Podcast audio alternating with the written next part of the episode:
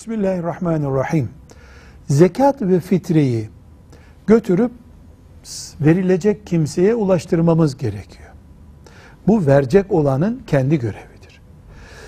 Bunu kendisi yapamayacağı zaman bir nedenle ikinci bir Müslümana bunu götürüp verir misin diye vekalet verebilir. Bu vekaletin noterden olması gerekmiyor.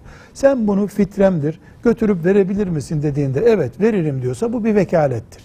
Tüzel kişilikte olabilir. Bir dernek de bu işi üstlenebilir. Yapılmasında hiçbir sakınca yoktur. Ama bunun bir vekalet töreni yoktur. Evet ben götürürüm deyince bu bir vekalettir. Velhamdülillahi Rabbil Alemin.